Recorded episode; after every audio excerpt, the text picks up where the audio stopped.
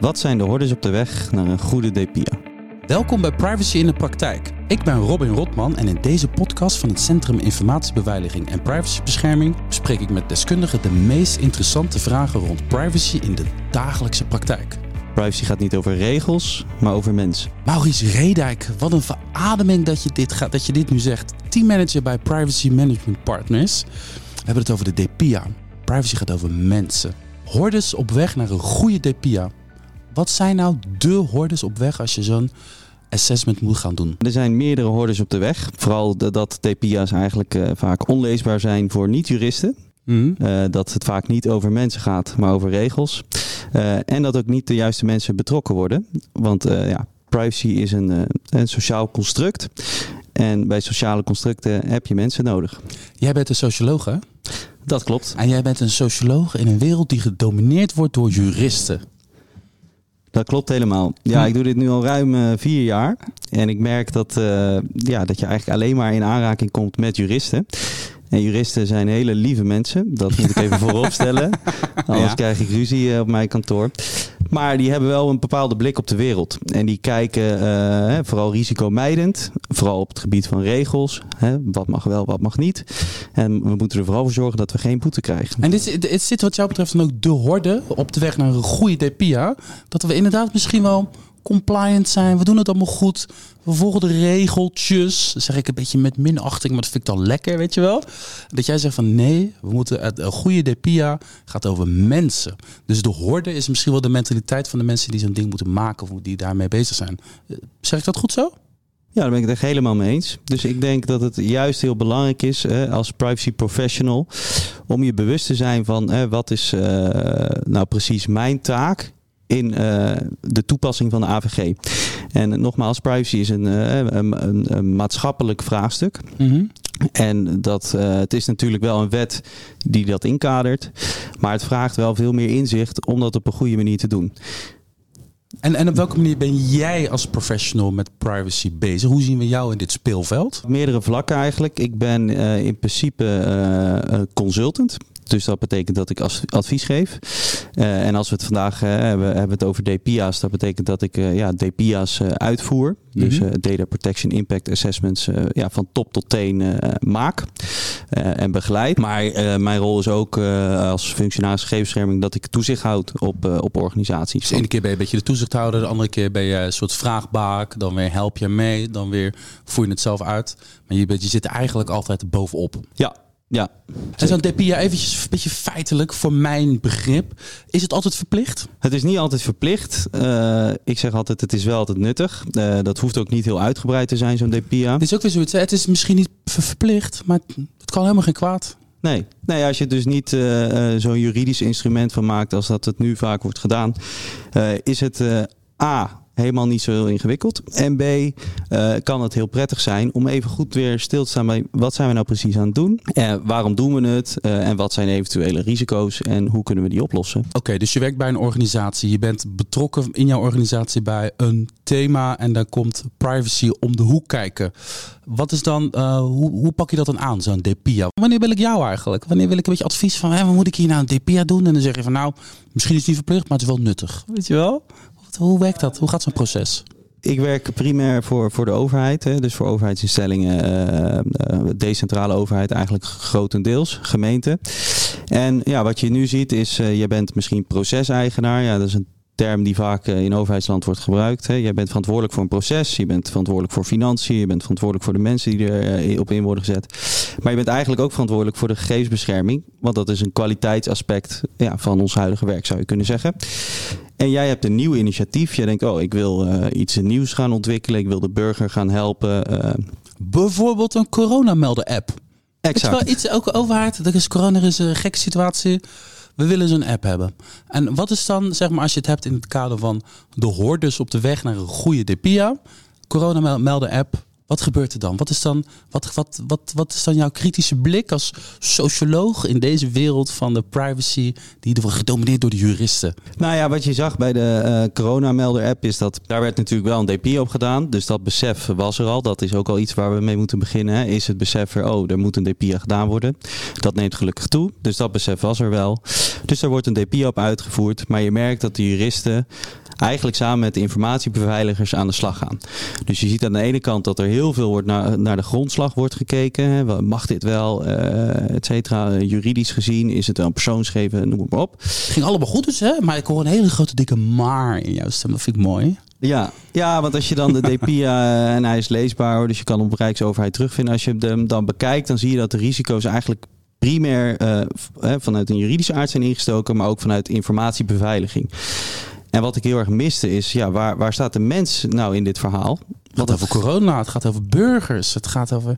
En, en, en, en wat zie je dan in de praktijk hoe dat dan uitpakt? Dat je denkt van ja, het is niet goed over nagedacht. Nou ja, weet je, wat je gewoon mist is dat de impact die het heeft op mensen niet altijd goed is meegenomen. En uh, nou ja, dat heeft natuurlijk gevolgen. En als je de impact niet meeneemt in je analyse, dan kan je er ook geen maatregelen voor treffen. Uh, dus ja, daar, daar heb ik wel het gevoel van dat, dat is dan echt een gemiste kans. En ook een belangrijke hoorde die uh, overwonnen moet worden als je wel een goede DPR wil doen. Hè. Dus richt je nou op wat voor impact het heeft op de mens. Oké, dus in deze zin wordt hij dan een beetje defensief ingestoken. We moeten het goed regelen, we moeten hem dicht tikken. Het moet juridisch, het moet het allemaal kloppen. En dat hebben ze ook goed gedaan. Maar dan zeggen we, ja maar jongens, dan gaat hij wel over mensen. Oké, ander voorbeeld. Heb je nog een voorbeeld? Want ik wil straks kijken, hoe kunnen we nou in de toekomst, in de praktijk, concrete tips. Hoe ga je dan wel tot een betere DPA komen? Bijvoorbeeld, wat, heb, je, heb je nog een casus in pet over mij? Nou, wat voor mij heel tekenend was als socioloog, uh, was uh, een tijdje geleden is de wet gemeentelijke schuldhulpverlening uh, aangepast. Mm -hmm. En is vroegsignalering daarin ingefietst. Nou, ik ben het als socioloog daar helemaal mee eens. Hè. Schulden komen vaak ongemerkt stapelen die op. En als overheid ben je vaak te laat, omdat mensen daar A, het niet doorhebben en zich daar niet graag over uitspreken zit het gêne, dat zit best wel, het is pijnlijk. Precies, ja. ja. ja, Dus uh, nou ja, de, dat, dat heeft de wetgever ook gezien en die heeft gedacht we moeten iets gaan doen en er is met vroegsignalering gaan werken. Dat betekent dat nutsbedrijven, dus uh, woningcorporaties, uh, energieleveranciers, waterbedrijven, die mogen een melding doen als jij twee of drie maanden niet je facturen hebt betaald dat er dan een melding gaat. Oh, dat is privacy, hè? Dat is een beetje gevoelig, tricky dit natuurlijk. Ja, toch? Ja, ja dus dat, dat, dat wordt dan uh, inderdaad heel tricky gevonden. En dan moet dus een DP aan te pas komen. En dan moet er een DP aan te pas komen, want een proces verandert. Het is gevoelig. Ik bedoel, dat, daar zijn we het ook allemaal mee over eens. Hè. Schulden zijn gevoelige gegevens, wil je niet zomaar op straat leggen. Dus daar, daar moet er op een nette manier mee om worden gegaan. Nou, en ik was werkzaam bij een gemeente en daar kreeg ik dan zo'n DPA, zag ik langs uh, komen. En daar merkte je dat uh, de enige insteek die daarin stond was: oké, nou nu is die wet er, dus uh, ja, grondslag is er. Nou, we moeten nog een privacyverklaring en dan zijn we klaar. Maar er werd niet gekeken naar hoe kunnen we dat proces nou zo goed mogelijk vormgeven. En dat miste je heel erg in die DPA, doordat je gewoon uh, eigenlijk merkte dat omdat het proces niet goed was uitgedacht, er heel snel bepaalde schade ja, wat, wat, wat, wat, op, op, op welke manier kwam de wet de factor mens hier dan vergeten? Want ik kan me van alles bij voorstellen dat er best wel een soort uh, antenne is van oké, we hebben het hier over mensen met schulden. We hebben het over vroegsignalering. Dus we hebben het over partijen die moeten informatie gaan rondstrooien over mensen. Ik zeg het een beetje minacht, maar het gaat echt mm -hmm. over informatie, gaat over mensen. En op welke manier was dan in die DPIA die jij dan kreeg, die jij dan voorgeschoten kreeg, van ja jongens, nee leuk geprobeerd. Hè? Inderdaad, juridisch gezien klopt het, deugt hij misschien wel.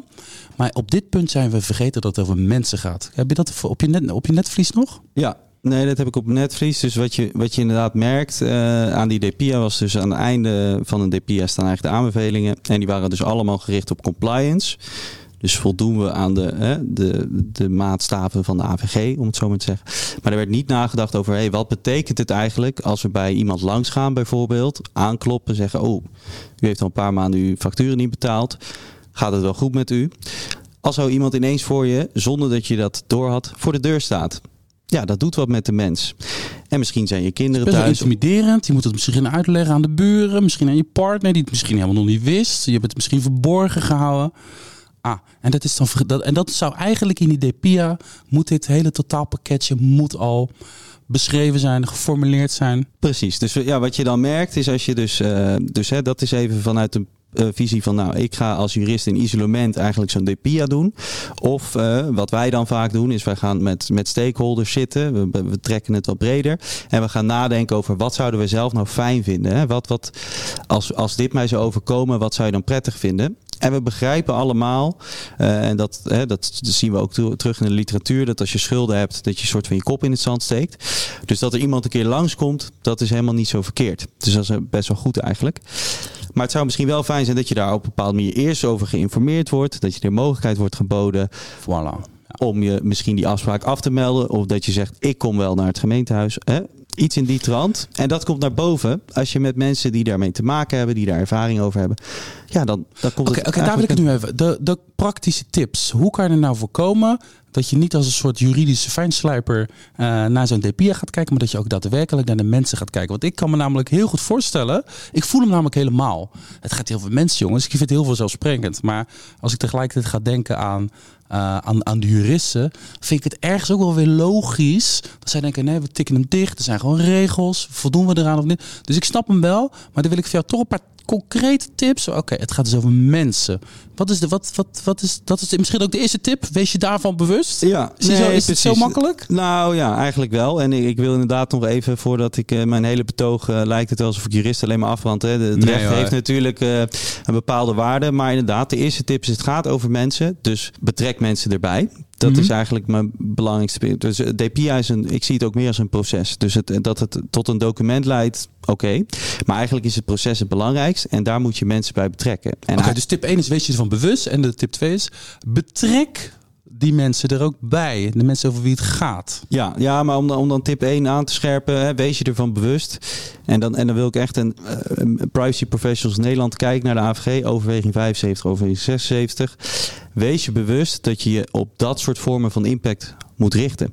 Dus het gaat niet om heb je wel of niet een grondslag. Nee, het gaat erom kan deze verwerking leiden tot discriminatie? Kan deze verwerking leiden tot sociale schade? Kan deze verwerking leiden tot financiële verliezen? Kan het uh, tot economisch of maatschappelijke nadeel? Oké, okay, dus die bewustwording die gaat dieper dan alleen maar wees je van bewust. Het gaat over dit soort vragen. Ja, dus je moet je eigenlijk bij op dat soort vormen van impact gaan nadenken. Dit nieuwe voorstel van ons, kan dat mogelijk leiden tot dit soort gevolgen. Maar dan, dan is de volgende tip: haal die mensen er gewoon bij.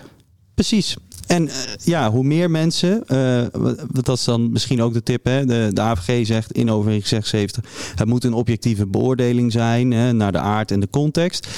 En nou ja, objectiviteit bestaat in mijn optiek niet. Hè? Dus iedereen is subjectief. We zijn allemaal hè, voor ingenomen met bepaalde meningen. We zijn op een bepaalde manier opgevoed. Maar als je mensen erbij neemt, hè, dus je hebt een grotere doelgroep. En misschien een beleidsmedewerker, misschien iemand uh, waar het over gaat. Dus iemand in de schulden, uh, een jurist ook erbij, maar misschien een socioloog. Als het toch over mensen gaat, kan je ze net zo goed erbij betrekken ook, toch? Ja, ja. en dan maak je er een, een, soort van sessie van, nou, wat denken jullie? Uh, wat, wat, wat kan je verwachten in de gekste scenario's? En ja, Maak het zo praktisch mogelijk. En dan krijg je eigenlijk vanzelf zo van, nou, dit zijn eventuele risico's. En dan gaan we nadenken, wat voor maatregelen kunnen we daar nou tegenover zetten om die risico's die we net hebben geconstateerd te mitigeren. Ja, je zal altijd restrisico houden, maar je kan in ieder geval de kans verkleinen. Haal ze er gewoon bij, maak er een leuke brainstorm van. Oké, okay, top. Dat is tip 2. Dus eerst is wees je van bewust gaat over mensen met al die vragen die je erbij moet stellen. De volgende tip is uh, haal die stakeholders, haal die betrokkenen over, die, over de mensen over wie het daadwerkelijk gaat. Haal ze er gewoon bij. Mm -hmm. Laat ze meedenken. Ze hebben misschien helemaal geen juridische background. Maakt niet uit. Wat doet dit met jou? Wat gaat dit met jou doen? Waar maak je je zorgen over? Luister naar ze. Oké. Heb je nog een tip? Ja, ik denk de laatste tip is, en daar begon je eigenlijk mee van uh, wie moet nou die DPIA doen? Ja, en ik denk dat het altijd slim is om je de vraag te stellen: voor wie schrijf je nou een DPIA? Nou, vaak is dat dus aan de eerste, in de eerste uh, instantie voor de proceseigenaar. Mm -hmm. Die moet daar iets mee gaan doen. Maar die is vaak niet per se juridisch onderlegd. Dus hè, maak het leesbaar. Zorg ervoor dat een DPIA helder, overzichtelijk is. Wat zijn nou mijn risico's? Wat zijn de maatregelen die ik moet nemen? Waar hebben we over nagedacht? En misschien waar hebben we ook niet over nagedacht. En ik pleit er ook voor. Dus dat is een oproep eigenlijk aan overheidsinstellingen. Hè, uh, misschien in een iets ge, samen, samenvat samengevatte vorm. Mm -hmm. Om DPS ook misschien openbaar te maken, zodat ook inwoners zelf kunnen lezen: oké. Okay, nou, dit is hun plan. Zo willen zij mijn gegevens verwerken. Hier hebben ze over nagedacht. Dit is het proces dat ze hebben doorlopen. Gewoon een beetje transparant. We hebben bepaalde maatregelen, maar we hebben ook echt over jouw privacy nagedacht. We hebben over de gevolgen of jou nagedacht. Lees maar terug. Kijk maar gewoon. Ja, ga je heel veel vertrouwen mee wekken natuurlijk. Heel veel vertrouwen en ik denk dat dat ook een D, ja, daar een DPI is voor, voor bedoeld is. Dus ook juist om dat uh, te kunnen aantonen. Want in die zin, uh, we zeggen altijd, privacy begint met PR. Dus ook een DPIA is daar onderdeel van. Privacy begint met PR. Oké, dus je moet hem goed verkopen ook eigenlijk. Je moet hem, het is gewoon... Ja, Brengen we naar de mensen. Eh, jij zei net van, eh, ik ga de juristen natuurlijk helemaal niet afvallen. Want die mensen doen gewoon goed werk en zo. Maar toch, hoeveel is, is, is, eh, komen die sociologen zoals jij veel voor in deze business? nou ik. eh, Ik vind wel wat om eerlijk te zijn. Ik ben er nog geen enkele tegengekomen, behalve dan mijn collega die bij mij op kantoor werkt. Die, eh, ja, we hebben dezelfde studie gedaan op dezelfde universiteit, dus vandaar. Maar voor de rest heb ik nog nooit een socioloog eh in, in een tegengekomen team in de een jurist en een socioloog. Ja. Weet je, de menselijke maat en maar ook wel de juridische fijnslaperij samen als een soort duo. Lijkt mij wel een mooie combinatie eigenlijk. Nou, daar pleit ik altijd voor. En je kan nog nadenken over hè, communicatiewetenschappen, filosofie. Dus eh betrek sociale, eh, sociale wetenschappen bij privacy. Want het, ja, als je het alleen aan de juristen overlaat, dan wordt het een juridisch feestje. En dan, hè, dan wordt het dus compliance in plaats van dat het over mensen gaat. Maurice Redijk, teammanager bij Privacy Management Partners. Dankjewel voor je mooie verhaal. Ik ben onder de indruk, dat meen ik serieus. Luister ook de andere afleveringen van Privacy in de Praktijk terug. Wat je hoort, het, het is leuk. Ga je voor naar sip-overheid.nl slash uitgelicht. Dankjewel Maurice. Geen dank.